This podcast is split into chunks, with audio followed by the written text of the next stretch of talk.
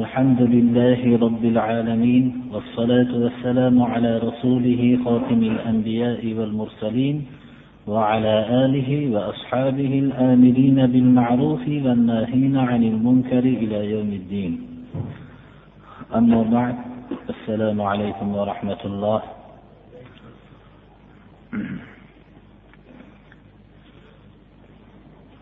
surai oli imrondan davom etayotgan darsimiz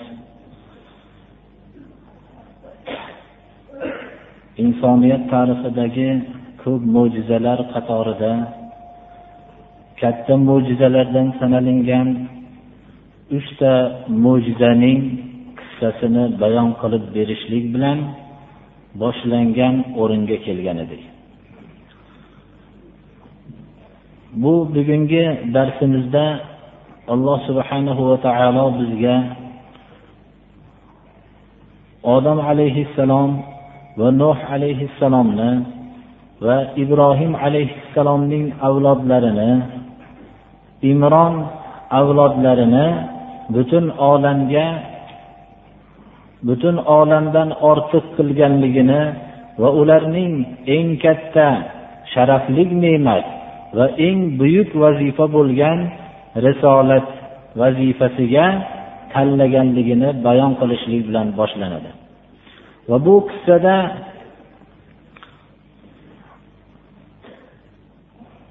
alloh subhanahu va taoloning mo'jizalaridan bittasi bu iso alayhissalomning tug'ilishlariga taalluqli bo'lgan qissa bo'lganligi uchun u kishining onalari maryamning tug'ilishligi haqida bayon beradi. Iso alayhissalomning tug'ilishligi otasiz bir tug'ilishligi hayotdagi xuddi odam alayhissalom ota onasiz yaratilingan bo'lsalar iso alayhissalom otasiz yaratilganliklarini mo'jizasini bayon qilib beradi. Va undan keyin alloh subhanahu va taoloning ulug' payg'ambarlaridan yahyo alayhissalomning tug'ilishliklariga aloqamand bo'lgan bayon keladi. Va shundan keyin iso alayhissalomning zikri keladi. Avvalda iso alayhissalomning onalari maryamning tug'ilishligiga aloqamand bayon avvalda keladi. Va u kishining onalari ya'ni maryamning onalari imron ayolining alloh subhanahu va taologa maryam tug'ilishligidan ilgari duo qilib xudoyo shu qornimdagi bolani faqat o'zingni ibodatingga nazr qildim o'zingni yo'lingga nazr qildim degan ixlosini bayon qiluvchi oyat bilan boshlanadi. Bu narsa shuni ko'rsatadiki bashariyat tarixida o'zi uchun xususan ona uchun eng aziz bo'lgan narsa qornidagi bolasi. Ana shunday o'zi uchun eng aziz bo'lgan narsalarni ham alloh subhanahu va taoloning ibodatiga ollohni yo'liga xizmat qilishlikka nazr qiluvchi ayollar o'tganligini bizga bayon qilishlik bilan inson ollohni yo'lida o'zi uchun har qanday aziz narsani nazr qilib faqat ollohni o'zigagina nazr qila olishligi kerak ekanligini ham bizga ta'lim beradi birodarlar إن الله اصطفى آدم ونوحا وآل إبراهيم وآل عمران على العالمين ذرية بعضها من بعض والله سميع عليم alloh subhanahu va taolo odam alayhissalomni va nuh alayhissalomning shaxslarini ya'ni o'zlarini butun olamdan ortiq qilganligini bayon qilyapti. Odam alayhissalom tamomiy yer yuzidagi qiyomatgacha bo'lgan bashariyatning otasi. Bu kishi birinchi payg'ambar. Nuh alayhissalom bo'lsa bu kishini ikkinchi odam hisoblanadi. Nuh alayhissalomning davrida tufonda ollohni inkor qilgan toifalar hammasi yo'q bo'lib bashariyat iymonlik toifadan ikkinchi bor vujudga keldi. Bularni faqat o'zlarini shaxslarini zikr qilinayotganligi bu kishining ba'zi avlodlari xususan nuh alayhissalomning avlodidan farzandi iymonni qabul qilmaganligiga ham zimdan ishora bo'lib ketyapti. Va ibrohim alayhissalomning avlodlarini olloh butun olamdan afzal qildi. Ibrohim alayhissalomning avlodlari ismoil alayhissalom u kishining o'g'illari ishoq alayhissalom yaqub alayhissalom avlodlaridan va bu kishining avlodlarida davom etib butun oxirgi muhammad alayhissalomning nasablari ham ibrohim alayhissalomga borishligi butun ibrohim alayhissalomning avlodini tamomiy olamga afzal qilganligi mana bu payg'ambarzodalarning hammalarini olamdan ortiq qilganligini zikrini qatorida imron avlodi zikr qilinib o'tilyapti. Imron avlodi ham rivoyatlarning aytishicha ibrohim alayhissalomning avlodidan. Lekin bu yerda alohida imron avlodini zikr qilinishligi imron avlodidaga taalluqli bo'lgan qissaga boshlanma bo'lyapti. Hammalari ba'zilari ba'zilaridan bo'lgan zurriyot bular. Bularning eng hamma insonlarning nasablari nuh alayhissalom va odam alayhissalomga boradi. Ana bu bitta ma'nosi. Yana bir ma'nosi payg'ambarlar hammalari nasabda mabodo qarindosh bo'lishmasalar ham aqida nasabdan ko'ra mo'tabarroq bo'lgan aqidada bir birlariga qarindoshdir vallohu samiun alim. Olloh eshituvchi va biluvchi zotdir. Olloh hamma narsani eshitadi hamma narsani biladi. Hatto imronning ayoli alloh subhanahu va taologa o'zining qornidagi bolani nazr qilib ollohni ibodatiga nazr qilayotgan munojotini ham eshituvchi va bu munojotda o'g'il odatda nazr qilinadigan farzand o'g'il bo'lardi. Nazr qilgan vaqtida o'g'ilni niyat qilib nazr qilganligini ham eshituvchi va unga o'g'ildan ham afzalroq bo'lgan maryamni berib butun payg'ambarlarning onasi bo'lgan maryamni berib unga yaxshiroq bo'lgan maqsadini ham beruvchidir. Berishlikni biluvchidir ana. Vallohu samiun alim oyati keyingi bayon qilinayotgan qissaga boshlanma bo'lyapti birodarlar إذ قالت امرأة عمران رب إني نذرت لك ما في بطني محررا فتقبل مني إنك أنت السميع العليم alloh subhanahu va taolo imronning ayoli maryamning volidalari bu kishini tug'ilishliklaridan ilgarigi munojotini bizga bayon qilib beryapti. Esga oling ey muhammad alayhissalom imronning ayolini rabbim men faqat o'zing uchun qornimdagi bolani hamma qaydlardan ozod bo'lgan holatda har bir shirkdan ozod bo'lgan holatda ollohdan boshqa har bir odamga bog'lanishligidan ozod bo'lgan holatda xolis o'zingni ibodatingga ajralgan holatda nazr qildim deb munojot qilgan toatni. Yodingizga oling. Xudoyo bu nazrimni qabul qilgin deb munojot qildi. Sen eshituvchi va biluvchi zotsan. Mening munojotimni eshituvchi zotsan.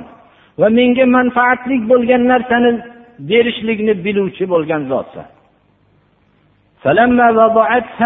قالت رب إني وضعتها أنثى والله أعلم بما وضعت وليس الذكر كالأنثى وإني سميتها مريم وإني أعيذها بك وذريتها من الشيطان الرجيم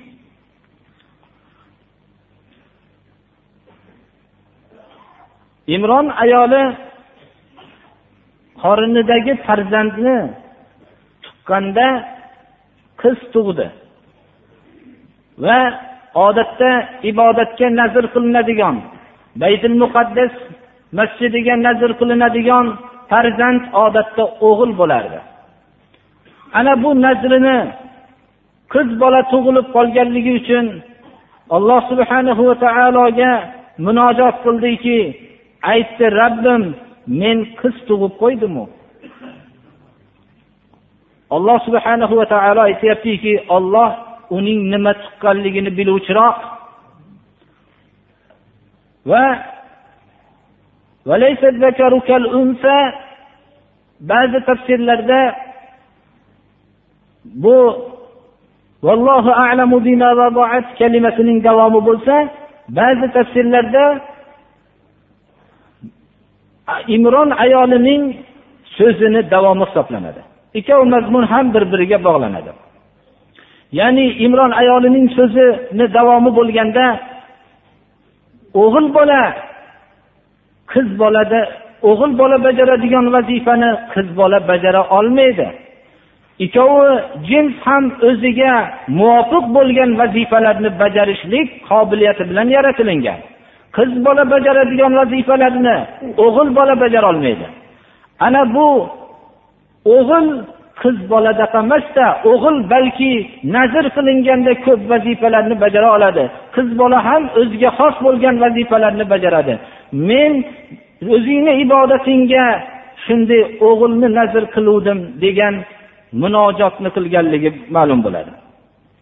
Agar alloh subhanahu va taolo tarafidan imron ayoliga xitob bo'lgan bo'lsa men bergan qiz sen talab qilgan o'g'ildek emas balki men bergan qiz sen talab qilgan o'g'ildan ortiq bir qiz berdim degan ma'noni bildiradi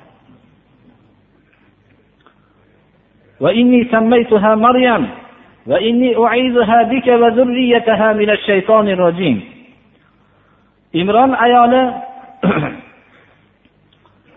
nazr qilgan farzandini men nomladim buni maryam deb. Maryam lug'aviy ma'nosi obida ya'ni ibodatlik degan ma'noni bildiradi.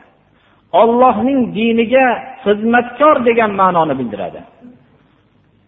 Men maryam deb nomladim va men deb e'lon qildi imronning ayoli bu tug'ilgan qizni va uning avlodini shaytoni rajimdan bo'lgan himoyasini senga qo'ydim. Sen buni va buning avlodini shaytoni rajimning vasvasasidan himoya qilishligingni senga qo'ydim deb munojat qildi.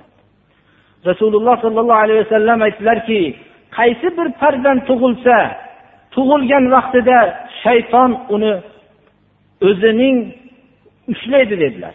Ammo iso alayhissalom va u kishining butun maryam alayhissalom va u kishining avlodi maryam va u kishining avlodi iso alayhissalomga zarar yetkazolgan emas shayton dedilar mana bu oyat bilan shu sobit mana rasululloh sollallohu alayhi vasallamning izohlari bilan ham sobit فتقبلها ربها بقبول حسن وأنبتها نباتا حسنا وكفلها زكريا alloh subhanahu va taolo maryam himoyasini qabul qildi. Yaxshi qabuliyat bilan qabul qildi. Va maryamni juda chiroyli suratda undirib o'stirdi. Chiroyli suratda undirishligi kelajakda alloh subhanahu va taoloning mo'jizasiga o'rin bo'ladigan darajada undirib o'stirdi. Bu mo'jizani qabul qilishlikka loyiq qilib o'stirdi. va maryamning kafolatini zakariyo alayhissalomga qildi zakariyo alayhissalom allohning ulug' payg'ambarlaridan bu kishi maryamning yoshlik vaqtlaridan tarbiyasini alloh subhanahu va taoloning kafolati bilan mana bu kishini tarbiya qildilar كلما دخل عليها زكريا المحراب وجد عندها رزقا قال يا مريم أنى لك هذا قالت هو من عند الله إن الله يرزق من يشاء بغير حساب oyat oqimi maryamning kamolotga yetgan yoshlik davrlarini zikr qilmasdan kelyapti va kamolot yoshiga yetgan vaqtdagi ibodat qiladigan maqomga yetib ibodat qilib o'tirgan vaqtlardagi alloh subhanahu va taolo tarafidan maryamga berilingan mo'jizotlarni zikr qilyapti. Va zakariya alayhissalomning u kishini oldilariga ibodat qilib turgan vaqtda ajoyib bir rizqlarning guvohi bo'lganliklarini mehrobda ajoyib rizqlarning turganligini hatto ajoyibligi zakariyo alayhissalomdek ollohning payg'ambarini ham ajablantirganligini va bu ajablantirganligini bekitolmasdan u kishiga ajablanish kalimasi bilan xitob qilish darajasidagi bo'lgan rizqlarning turganligini bizga bayon qilyapti. Maryam oldiga zakariya alayhissalom mehrobda turganda kirgan vaqtlarida maryam oldida qandaydir noma'lum bir rizqlarni topar edi. Va ajablanib so'rardiki ey maryam sizga bu rizqlar qayerdan qanday mumkin bo'lyapti? dedi.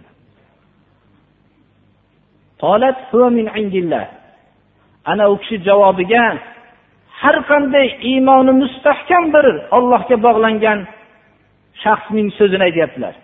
Inson o'zidagi ajoyibotlarni o'zida boshqalardan ko'ra farqli bo'lgan ne'matlarni buni men qildim men topdim men o'zimning fikrim bilan qildim deyishligi mumkin emas loyiq emas. Sodda til bilan kamtarona til bilan maryam shunday ajoyib rizqlarni bu ollohni huzuridan deb qisqagina va haqiqiy javobni berganligini bayon qilyapti. Olloh bu rizqni menga beryapti ammo olloh xohlagan odamga behisob suratda rizq davomiy suratda beraveradi. Ana shu vaqtda zakariya alayhissalom ulug' yoshga borgan edilar. Ayollari farzand ko'rishlikdan umidsiz bo'lgan yoshga borgan edilar. Va shu bilan birga zakariya alayhissalom farzandsiz edilar. Olloh xohlaganga behisob suratda rizq beradi degan kalima zakariya alayhissalomning qalbida. Alloh subhanahu va taolo har bir inson tabiatiga o'rnatgan nasl qoldirish bo'lgan rag'batni qo'zg'atib yubordi. Inson farzandsiz bo'lar ekan qaysi yoshda bo'lmasligidan bo'lishligidan qat'iy nazar. O'limga yaqinlashgan bo'lishligidan qat'iy nazar o'zining qalbida naslga bo'lgan rag'batni yo'qota olmaydi. Buni alloh subhanahu va taolo inson qalbiga mustahkam qilib o'rnatgan. Ana shu vaqtda har bir inson qalbida bo'lgan tabiat zakariya alayhissalom payg'ambar bo'lsalar ham har qancha zohid bo'lgan bo'lsalar ham u kishi ham inson edilar bu kishining qalbida ham zurriyotga bo'lgan rag'bat yo'qolmagan edi. Ana shu rag'bat harakatlandi.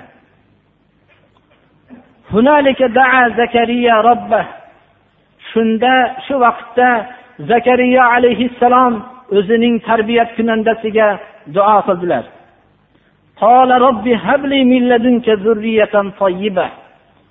إنك سميع الدعاء ربim menga o'zingni huzuringdan pokiza zurriyot bergin deb duo qildilar sen duoni eshituvchi zotsan dedilar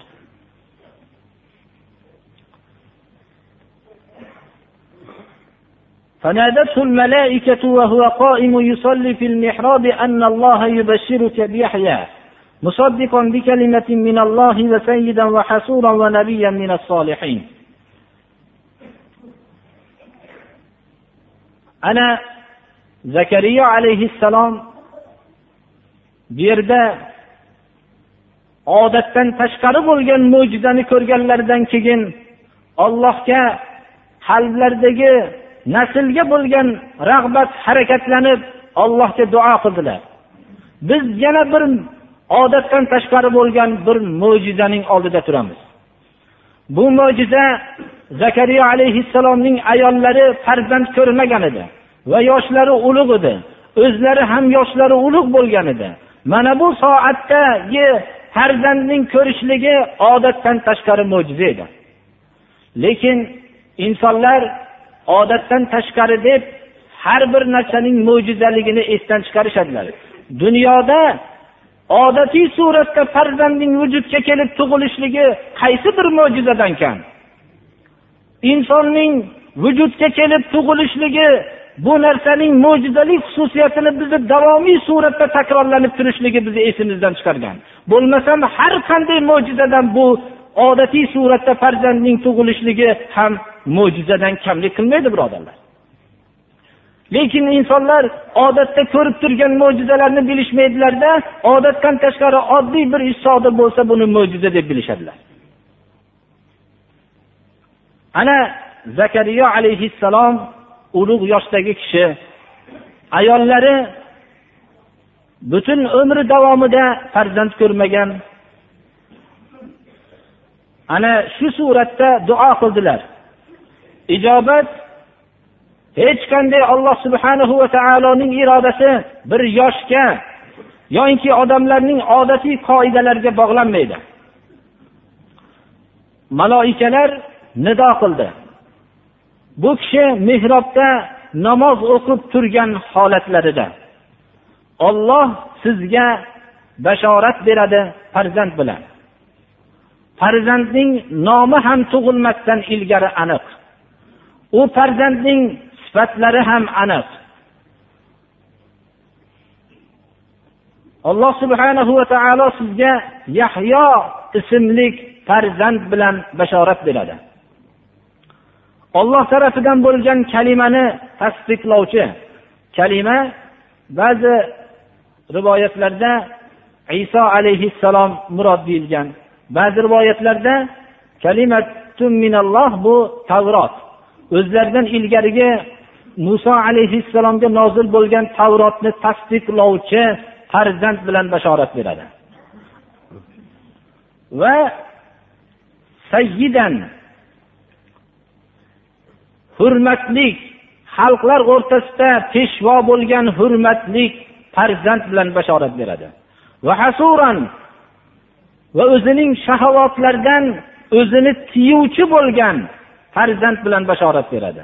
Va solih payg'ambar bo'lgan farzand bilan bashorat beradi deb alloh subhanahu va taoloning maloikalari nido qildi bu kishi mehrobda namoz o'qib turgan holatlarini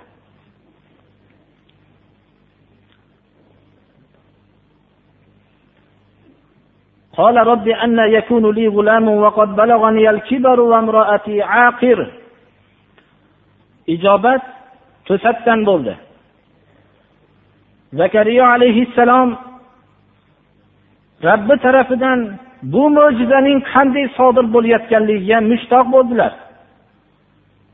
Aytdilarki rabbim men uchun qanday farzand bo'lishligi mumkin?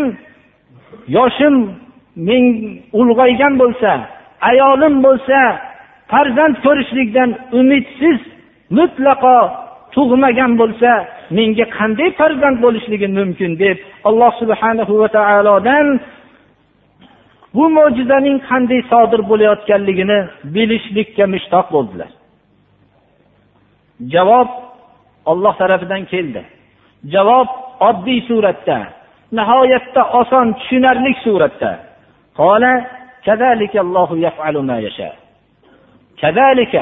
Mana shunday suratda olloh xohlaganini qiladi. Ollohning qilayotgan ishi odamlar bilgan odatiy qoidalar asosida bo'lmaydi. Olloh xohlaganini qiladi. Mana bu xohlagan narsalarning bittasidir mana. Odamlarning qoidalariga aks bo'lgan holatda vujudga kelgan bu ish yahyo alayhissalomning tug'ilishligi bu ham olloh xohlagan narsasini qilishligining bitta misolidir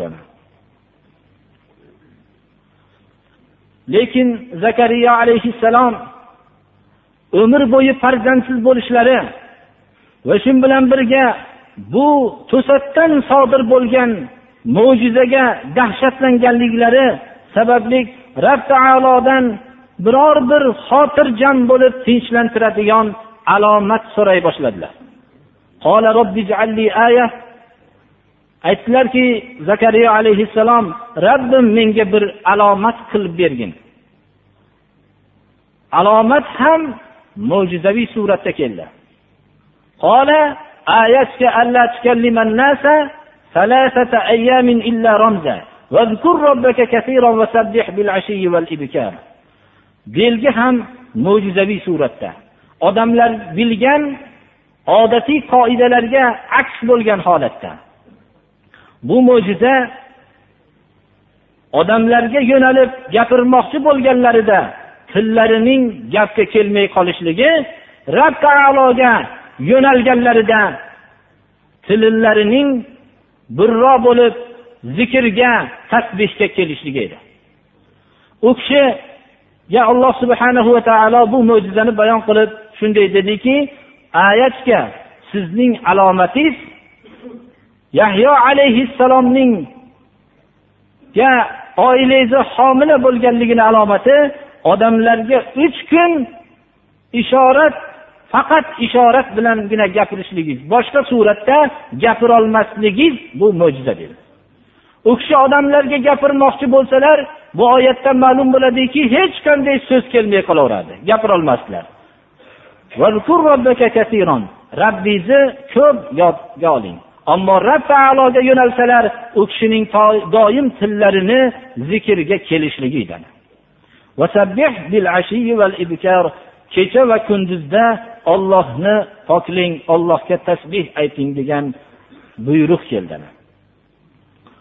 Mana bu oyatdan yana bir nuqta ham ma'lum bo'ladiki inson uzoq vaqtdan beri bir ne'matni ollohdan kutsa bu ne'matni uchun butun umri bo'yi yig'lasa alloh subhanahu va taolo shu ne'matni bersa inson bu ne'mat bilan ovora bo'lib ketmasdan ne'matni bergan zot bilan ovora bo'lishligi kerak ekanligiga dalolat qiladi.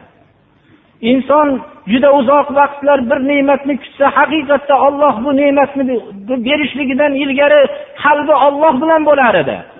Ammo bu ne'mat muhayyo bo'lgandan keyin endi butun umrini ne'mat bilan o'tkazib ne'matning egasini esdan chiqarib qo'yadi birodarlar. Alloh subhana va taolo bu yerda ham ne'matni berdi va odamlar bilan gapirishlik holatini yo'q qilib qo'ydida faqat ollohni o'zi bilan gaplashadigan holatni paydo qilib qo'ydi. Demak ne'mat kelgan vaqtda ollohni ko'p yodga olishlik va ertayu kechda ollohga doim tasbeh aytishlikka ma'mur bo'lishliklari banda ne'matni uzoq vaqt kutgandan keyin ne'mat muhayyo bo'lganda endi avvaldan ko'ra ham ne'mat egasiga bog'lanishligi zarur ekanligiga ishora bo'lyapti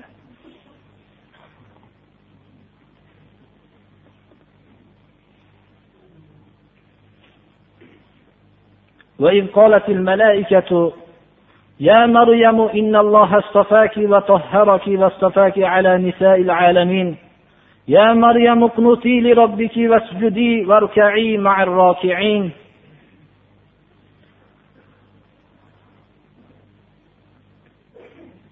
bu mo'jiza yahyo alayhissalomning tug'ilishlik mo'jizasi o'zi boshqa mo'jizalarga nisbatan katta mo'jiza edi lekin iso alayhissalomning tug'ilishlik mo'jizasiga nisbatan kichikroq mo'jizadir.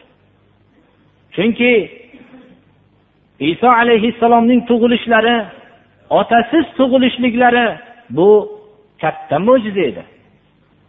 Alloh subhanahu va taolo mo'jizalar olamini birma bir xalqlarga anglatib kelyaptiki mana bu katta mo'jizani tushunishliklari oson bo'lishligi uchun.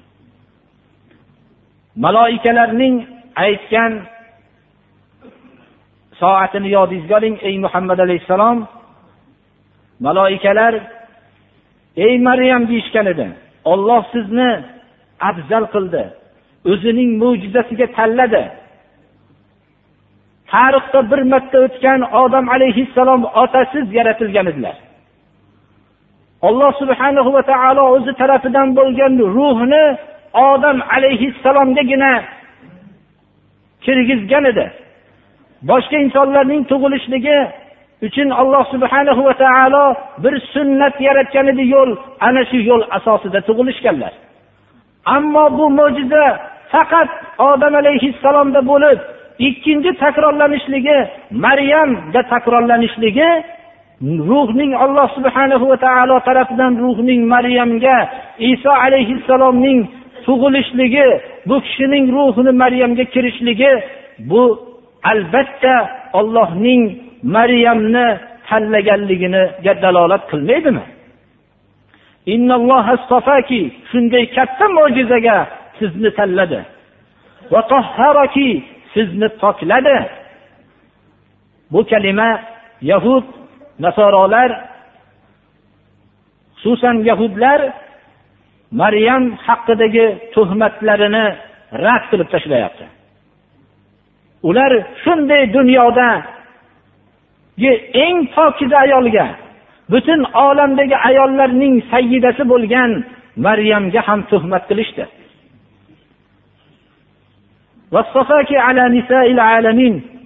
Alloh subhanahu va taolo tarafidan maloikalar e'lon qilyaptiki sizni ey maryam olamdagi ayollardan ortiq qildi Ya li robbiki wasjudi warka'i. Ey Maryam, bu ne'matlarning shukronasiga faqat faqat tarbiyat kunandingizga ibodatni lozim tuting va sajda qiling, ruku qiling, ya'ni namoz o'qing, namoz o'qiguvchilar bilan.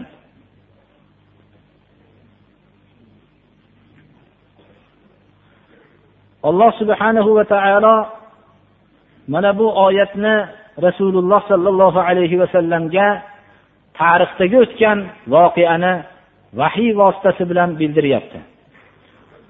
Rasululloh sollallohu alayhi vasallam bu oyatlar nozil bo'lgan vaqtda ahli kitoblardan xoh yahudiylar xoh nasorolar bo'lsin xususan nasorolardan butun aziyat chekayotgan vaqt edilar shu vaqtda iso alayhissalomning haq payg'ambarligiga va u kishining volidalari maryamning pokligini alloh subhanahu va taolo tarafidan kelgan vahiyni e'lon qilib o'zlariga aziyat berayotgan kishilarga bani isroilning oxirgi payg'ambari iso alayhissalom va u kishining volidalarini shunday pok insonlar ekanligini maqtab e'lon qilayotganliklari bu dinning ya'ni islom dinining kelayotgan markazini bir joydan kelayotganligiga dalolat qiladi. Inson o'ziga qarshi bo'lib dushman bo'lib yomonlab turgan odamlarning peshvolarini maqtamaydi agar payg'ambar bo'lmasa birodarlar. Payg'ambar sollallohu alayhi vasallam shu soatlarda shu oyat nozil bo'lib turgan vaqtda ahli kitoblardan nasorolardan aziyat chekib turgan vaqtlarida bani isroilning oxirgi payg'ambari iso alayhissalomning maqtab pok inson ekanliklari va maryamning pok ayol ekanliklarini balki olam ayollarining ustiga ollohning tanlaganligini e'lon qilib turishlari bu islom dinining markazi bir joydan kelayotganliklariga va hamda muhammad alayhissalom ollohning barhaq payg'ambar ekanligiga dalolat qilmaydimi? Alloh subhanahu va taolo shu g'aybdagi xabarlarni hech kimga ma'lum bo'lmagan xabarlarni aniq xabarlarni payg'ambarimiz sollallohu alayhi vasallamga bayon qilib berayotganligini minnat qilib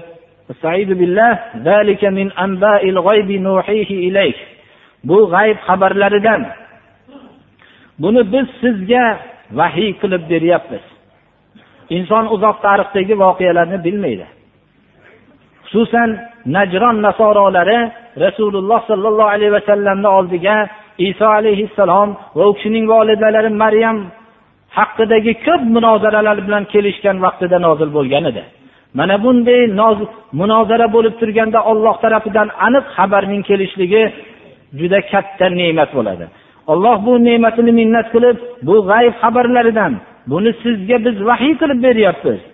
Siz u maryam oldidagi kishilarning oldida yo'q edingiz ular qalamlarini qaysilari maryamga kafil bo'lishlik uchun maryamni o'zini kafolatiga olishlik uchun qalamlarini suvga tashlashib chek tashlashayotgan vaqtida siz yo'q edingiz deyapti bu maryam tug'ilganlarida imron ayoli olib chiqqanlari olib chiqqanlarda nazr qilganliklariga va'da ularga vafodorlik qilib olib chiqqanlaridan keyin imronning ayoli bo'lganligi uchun o'zlarining peshvolarining qizi bo'lganligi uchun hammalari buni o'z kafolatlariga olish sharafiga ega bo'lmoqligiga husumat qilib tortishdilar. Va shunda chek tashlashdilar. Chekning ko'rsatuvi qur'oni karimning kalimalaridan ma'lum bo'lyaptiki suvga hammalari qalamlarini tashlashlik qalamlarining qaysinisi oqmasa shu kafolatga olishligiga tayin qilishganligini ko'rsatadi. Ana hammalari qalamlarini suvga tashlashdilar va u qalam zakariya alayhissalomning qalamlari oqmaganligi sababli zakariya alayhissalomning kafolatiga maryamning mana alloh subhanahu va taolo o'zining qudrati bilan topshirdi. Siz mana shunday voqealar bo'layotgan vaqtda ularni oldida ey muhammad alayhissalom yo'q edingiz bu xabarlarni bilmasdingiz biz sizga vahiy qilib beryapmiz deyapti. Maryamni kafolatini tortishib turgan soatlarda siz yo'q edingiz alloh subhanahu va taolo rasululloh sollallohu alayhi vasallamga shu minnat qilyapti. Bizlarga ham uzoq tarixdagi mana bunday aniq voqeani qur'oni karim vositasi bilan bizga yetib keldi birodarlar. Bu juda katta bizning ustimizdagi minnatdir ana. Bunga ko'p shukur qilmoqligimiz kerak. Mana bu narsa aniq xabarlari yo'q bo'lgan millatlar yoyinki aniq xabarlarni o'zgartirgan millatlar xususan ahli kitoblar nasorolar iso alayhissalom va maryam haqidagi juda ko'p bo'xtonlar yoyinki bir tarafdan pastlatishgan bo'lsa ikkinchi tarafdan ko'tarishib xudolik darajasiga chiqarganlar qo'llaridagi kitoblar yetib kelmagan kishilar yoyinki yetib kelgan bo'lsa uni o'zgartirishganlar. Qur'onga unamaslik natijasida mana bunday huzurlarda qadimiy ulkan bir merosdan mahrum bo'lgan kishilar shunday bo'xtonlarni qilishadi. Alloh subhanahu va taolo bizlarga qur'oni karim bilan aniq xabarni mana yetkazdi. Allohga hamdlar bo'lsin mana.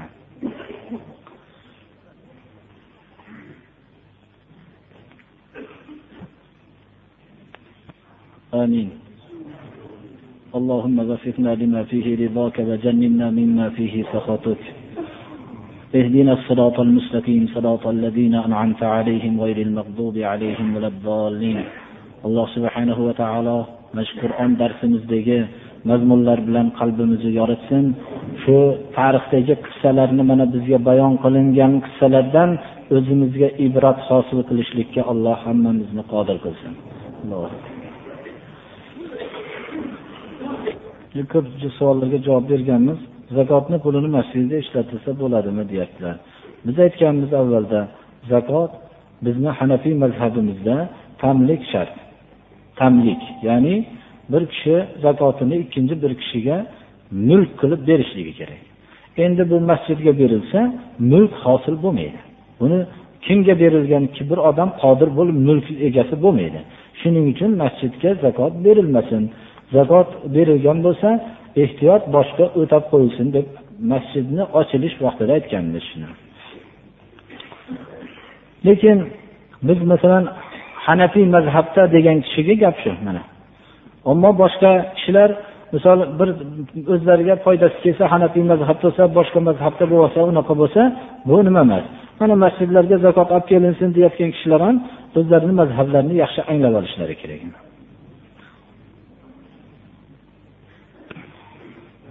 odam bilib turib o'g'irlangan narsani sotib olsa albatta u o'g'ri degan isnatga ham o'g'irlikning gunohiga ham sherik bo'ladi degan hadis bor dedilar. Hozir meni hayolimda yo'qu bu hadisni labzi lekin shuni bilaylikki bir odam aniq o'g'irlangan narsani sotib olishligi mumkin emas. Imom azam rahmatullohi alayh bir o'zlarining viloyatlarida bir qo'y o'g'irlangan ekan. U qo'y endi qaysi qo'y? Noma'lum. Noma'lum bo'lganda ham bu kishi qo'y go'shtini ma'lum yillar yemagan ekanlar. Shu qo'y yo'qolib ketguncha shuni o'zi yo'qolib ketishligini so'ragan ekanlar. Bir qo'yni olti yil deyishgan ekanlar. Olti yil qo'y go'shti yemagan ekanlar degan nimalar bor. Endi aniq bilib turib bu endi taqvo qilganliklari. Bir odam bilmasa bir narsani o'g'irlangan narsani olsa u gunohkor bo'lmaydi. Lekin bilib tursa olishligi mumkin emas kishi masalan qo'lim bilan tishimni yuvayotganimda tishim qonab ketadi. Shunda sohibi uzrga o'tamanmi yoki bumi deb so'rabdilar. Birinchi tishini avvalda yaxshilab yuvishligi kerak. Agar tupurib ko'rsa qizillikka moyil bo'lsa tahorat ketadi shunda davomiy suratda shu tupursa qizillikka moyil bo'lsa sohibi uzr bo'ladi. Shu namozdan ilgari tahoratni qilib o'qiveradi shunda. Qur'onni qachon o'qisa bo'laveradi?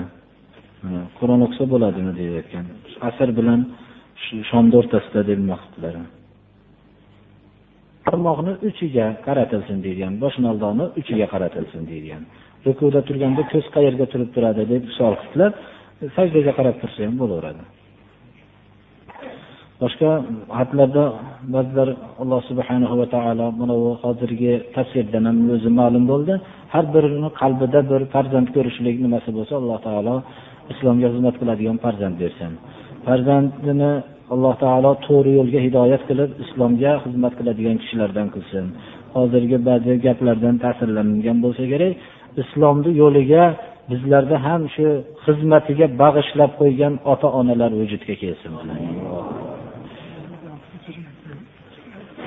va ba'zi bizni masjidimizga bir xizmat qilgan kishilar ham bor ekan alloh taolo hammalarini to'g'ri yo'lga hidoyat qilsin islom yo'lida barqaror qilsin avlodlarni to'g'ri yo'lga hidoyat qilsin اللهم تقبل منا إنك أنت السميع العليم. اللهم تقبل منا هذه الصلاة. واعف عنا مع جميع نقصاناتها بفضلك وكرمك يا اكرم الاكرمين ويا أرحم الراحمين. اللهم ألف بين قلوبنا وأصلح ذات بيننا واهدنا سبل السلام. ونجنا من الظلمات إلى النور. وجنبنا الفواحش ما ظهر منها وما بطن. وبارك لنا في أسماعنا وأبصارنا وقلوبنا وأزواجنا وذرياتنا وتب علينا إنك أنت التواب الرحيم. واجعلنا شاكرين لنعمتك مثنين بها قابليها. اللهم اقسم لنا من خشيتك ما تحول بيننا وبين معاصيك ومن طاعتك ما تبلغنا به جنتك ومن اليقين ما تهون به مصائب الدنيا. ومتعنا بأسماعنا وأبصارنا وقوتنا ما أحييتنا. واجعله الوارث منا. واجعل ثأرنا على من ظلمنا. وانصرنا على من عادانا. ولا تجعل مصيبتنا في ديننا. ولا تجعل الدنيا أكبر همنا. ولا مبلغ علمنا. ولا تسلط علينا من لا يرحمنا. اللهم زدنا ولا تنقصنا وأكرمنا ولا تهنا وأعطنا ولا تحرمنا وآثرنا ولا تؤثر علينا وأرضنا عنك وارض عنا. اللهم ألف بين قلوب المؤمنين في المشارق والمغارب واجمع كلمتهم. اللهم عليك أعداءك أعداء هذا الدين. اللهم أعز الإسلام والمسلمين وأذل الشرك والمشركين واحمي حوزة الدين وصلى الله تعالى على خير خلقه محمد وآله وأصحابه أجمعين الطاهرين الطيبين وارحمنا واحشرنا معهم برحمتك يا أرحم الراحمين.